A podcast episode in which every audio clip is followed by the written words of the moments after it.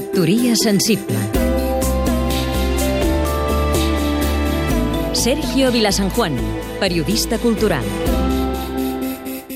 Agassi es publica aquests dies a Espanya l'autobiografia d'André Agassi, molt recomanable fins i tot per als qui no practiquem el tennis i ni tan sols som aficionats a l'esport. Es titula Open, mi història, i li ha ajudat en l'escriptura el periodista americà J.R. Meringer, a qui sospito que cal atribuir bona part del seu interès intensitat. El pare d'Agassi era un d'aquests homes obsessionats amb que els seus fills triomfessin en l'esport. Personatge violent i caparrut, va intentar primer dedicar al tennis professional al seu fill gran i només va aconseguir destrossar-lo moralment. Amb André va tenir més sort.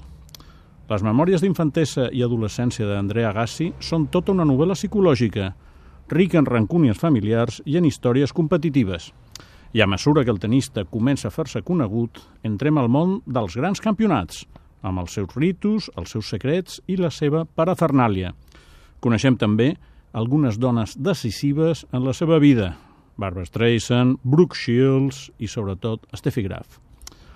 La vida d'Agassi reuneix claus importants del nostre temps. La pèrdua de la infantesa, l'obsessió per l'èxit, el preu del culte al cos. No queda clar fins a quin punt guanyar vuit grans slams li va compensar per tot això. Factoria sensible